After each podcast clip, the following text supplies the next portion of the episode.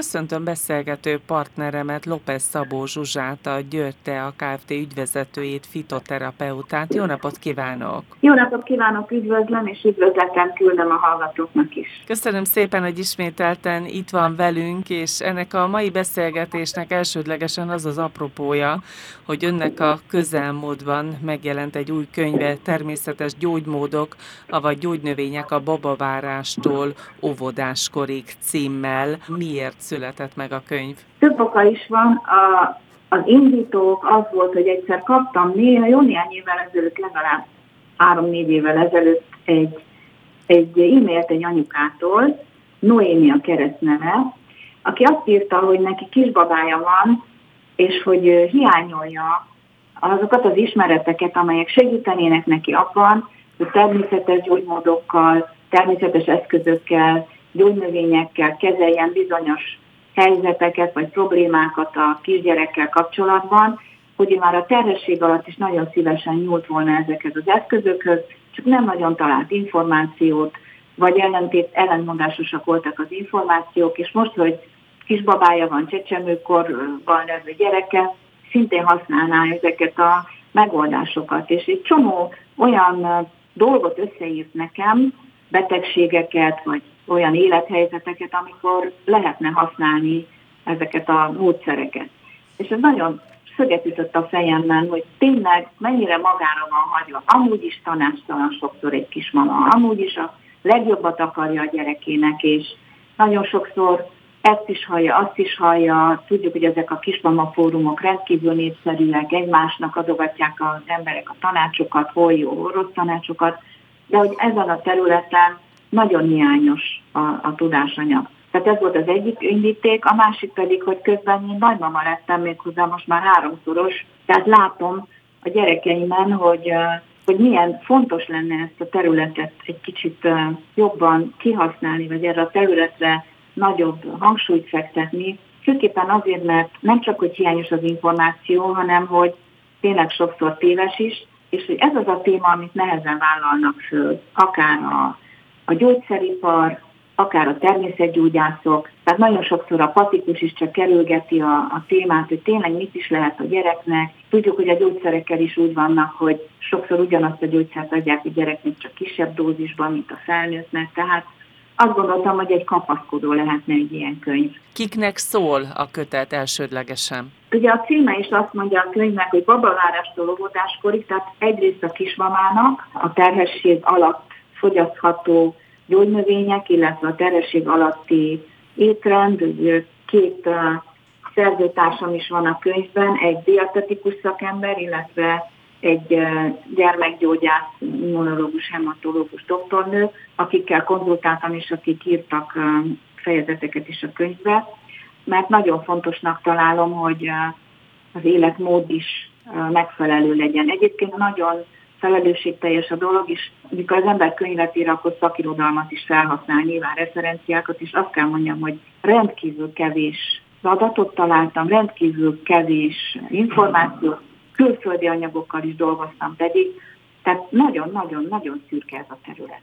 Azt mondta, amikor a könyv megírásának a motivációjáról kérdeztem, hogy a fiatal édesanyja megkereste önt e-mailben. Azt gondolom, hogy ő általa tulajdonképpen egy ilyen előszerkesztése is megtörténhetett akár a könyvnek, de milyen témákkal egészült ki, mi a tartalom? Igen, főképpen arról írt ez az anyuka, milyen betegségeket szeretne esetleg természetes gyógymódokkal kezelni. Kiegészült a szoktatással, bár az nyilvánvalóan magával jön a, témával, tehát adódik önmagától is. Külön fejezetet raktam bele a könyvbe a környezetvédelemmel kapcsolatban az Öko Baby, vagy ök- ökológikus baba környezetvédelem témakörben, hogy hogyan lehet úgy nevelni egy gyereket, hogyan lehet egy olyan szemléletet elsajátítani a családban, hogy minél kevesebb lábnyomot hagyjunk, ahogy szokták mondani a környezetünkön, hogy hogyan lehet észszerűen, kevés eszközzel, kicsit visszatérve a, a, anyáink, ősanyáink gyerekneveléséhez. Külön fejezet szól arról, hogy a gyerekszülés az hol legyen kórházban vagy otthon, Tudom, hogy ez is egy nagyon megosztó téma, de nagyon-nagyon sok anyuka van most, nagyon sok olyan nő, aki azt mondja, hogy képesek vagyunk mi otthon is megszülni azt a gyereket, mint ahogy évszázadokon keresztül így történt. Tehát a rideg klinikai, kórházi körülmények helyett egy normális szülés, egy problémamentes szülés, az tényleg folyjon otthon, meleg környezetben, otthoni környezetben, szeretetben. A kórházi környezet az nagyon sokszor hideg. Elhiszem, hogy van szükség rá, amikor tényleg komplikációk léphetnek föl. Tehát legyen mindig kéznél egy olyan tapasztalt dúla, vagy, vagy bába, vagy olyan szakember, aki tudja, hogy mikor kell kórházhoz folyamodni. Tehát ezek, ezeket én fontosnak találtam ezeket a ezeket a fejezeteket bevenni az a könyvbe. Baba várástól óvodáskorig, ez nagyjából egy ilyen négy éves időszakot jelent. Az is a célja tulajdonképpen, hogy egy viszonylag erős immunrendszerrel kerüljenek a gyerekek óvodába? Nem beszélve a Covid-ról, ami ellen az édesapja is azt mondta, hogy ellenszer nincs, de az immunrendszerünket tudjuk erősíteni. Már ilyen kicsi gyermekkorban érdemes ezt elkezdeni? Az immunerősítésről nekem van egy külön véleményem, amit szerintem nagyon sok szakember is alátámasztanak, méghozzá pontosan az az immunológus doktornő, aki mindig azt mondja, hogy legyen az a gyerek beteg. Azt mondja, hogy nagyon sok olyan komoly betegséggel, tumoros betegséggel kerülnek gyerekek kórházba, és azt mondja a szülő, amikor megtudja a diagnózis, megdöbben, azt mondja, hogy hát pedig ez a gyerek sose volt az előtt beteg. És éppen ez a baj, hogyha nem beteg, akkor nem erősíti az immunrendszerét, akkor nem szerzi meg azt a védettséget, amire szüksége van, és ez körülbelül olyan 10-12 éves korig folyik. Tehát igen, legyen az a gyerek beteg, csak nem mindegy, hogy mennyire könnyen győzi le a betegséget, és hogy a, a szervezete mennyire sajátítja el azt az immun tapasztalatot, ha használhatok ilyen furcsa szót, amire szüksége van, mire, mire oda kerül.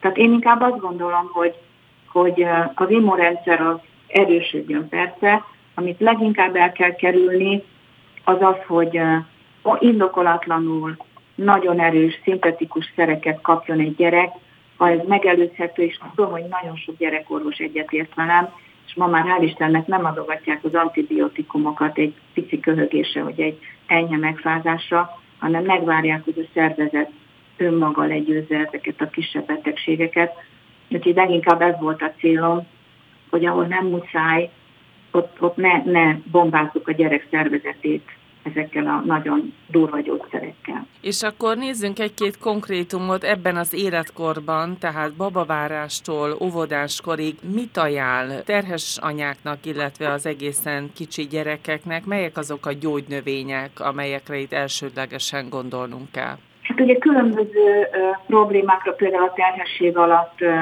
jelentkező reggeli rosszul létekre lehet ajánlani gyógynövényeket.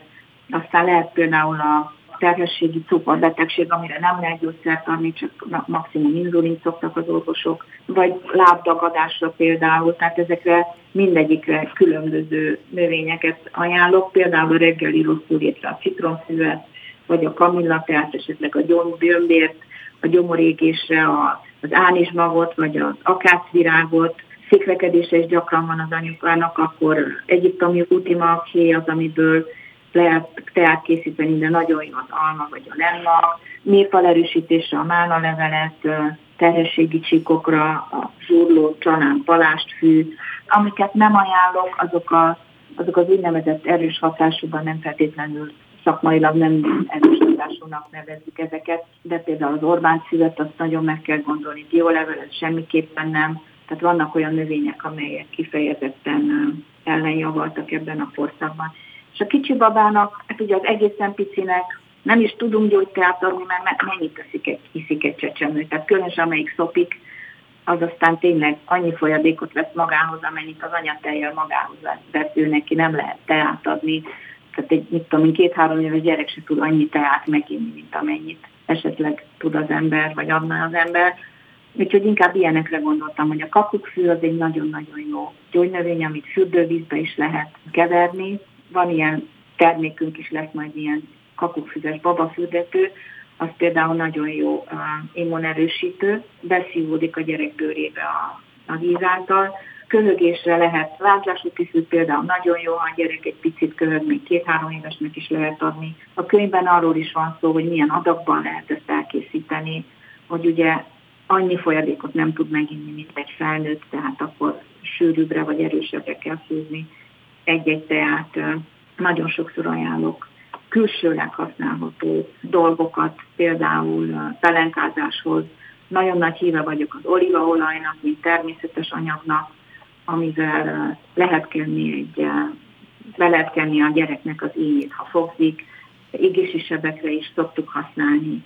Azon kívül nagyon jó például a babakori koszmót eltüntetni, vagy a, vagy a pelenka kiütést eltüntetni, tehát erre vonatkozóan is vannak tanácsok a könyvben. A könyv egyfajta iránymutatás, és arra vonatkozóan, hogy az az édesanyja, aki óvodáskorig rendszeresen használ valamilyen gyógynövényt, te a borogatás egyéb formában a gyermeke számára, annak aztán a gyógynövények lehet, hogy az egész gyermekkorát elkísérik majd, vagy azon túl is? Én szeretném, igen, ha a könyvnek kifejezetten célja volt egyfajta nem szemléletváltoztatás, inkább rávilágítás arra, hogy más szemszögből is meg lehet közelíteni az egészségünket, a betegségünket, az életmódunkat és a gyereknevelést, mert én hiszek abba, igen, hogy az a gyerek, akinek az, az édesanyja már csecsemőkortól, vagy netán már a terhesség alatt használta ezeket a természetes gyógymódokat, akkor ő már egy ilyen szellemben fog felnőni,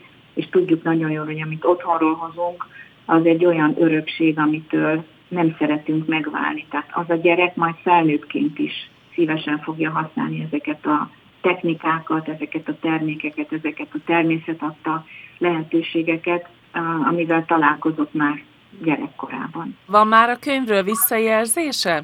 Van igen, méghozzá az, hogy rendkívül, rendkívül gyorsan, hogy magam se gondoltam volna, hogy ekkora sikere lesz, mert ugye ez egy szűk közönséghez szól, tehát ezt nem fogja megvenni egy 40 éves férfi, ha csak nincsen a családban kisbaba, vagy éppen nem várandós a felesége, csak azok fogják megvásárolni, ahol ilyen élethelyzet van. Gyermekvárás, vagy kicsi baba, három éves korig. Tehát azért ez a társadalomnak egy viszonylag szűk keresztmetszete, de nagyon-nagyon sokan vásárolják, gondolom ajándékba is. Visszajelzések pedig, eh, igen, vannak pozitív visszajelzések, vannak kérdések, számomra meglepő sikere van a könyvnek. Azt mondja, hogy gyorsan fogy, hol lehet megvásárolni? Hát az összes üzletünkben, Miskolcon a Városház téren van ugye egy boltunk, Pesten a belvárosban, az ötödik kerületben, illetve Bükszent keresztben van az első mintaboltunk, de meg lehet venni a webáruházunkban is. györteabolt.hu, weboldalunkon is rá lehet találni, az pedig györtea.hu, úgyhogy ezeken a helyeken lehet megrendelni, illetve személyesen megvásárolni. Én azt gondolom, hogy sok hallgatónknak a kérdését tolmácsolom akkor, amikor megkérdezem, hogy hogy van az édesapja Gyuri bácsi. Köszönöm szépen.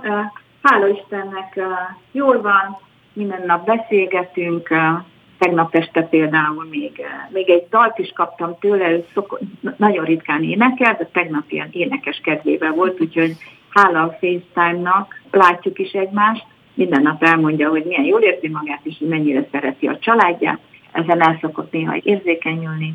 Úgyhogy jól van, köszönöm szépen, hála Istennek. És mi újság van egyébként Bükszent kereszten? Legutóbb beszélgettünk arról, hogy sikerült átadniuk a gyógynövényes kertet, amit hát szerintem azóta nagyon-nagyon sokan megnéztek. Én magam is megtettem többször is, és hát lassan jön az az időszak, amikor csodálatos lesz ez a kert, és gondolom, hogy ismét nagyon sok látogatót fog majd vonzani. Igen, én is nagyon remélem, már szervezzük a gyógynövénytúrákat. Tavaly előtt tavaly kicsit bonyolult volt, el is kellett halasztani, meg ugye mindenféle papírok kellettek, meg oltási igazolás, hál' Istennek már ezek, a, ezek az intézkedések lassan idejéket múlják, úgyhogy most már szabadon lehet ezeket csinálni. A kert igen, az továbbra is remélem nagyon, hogy fogja vonzani az embereket. Nagyon sok fiatal pár jelentkezik hogy ott szeretnének esküvőt tartani, ilyen rendezvény tavaly is volt, tavaly előtt is volt, ennek szörnyen örülök, mert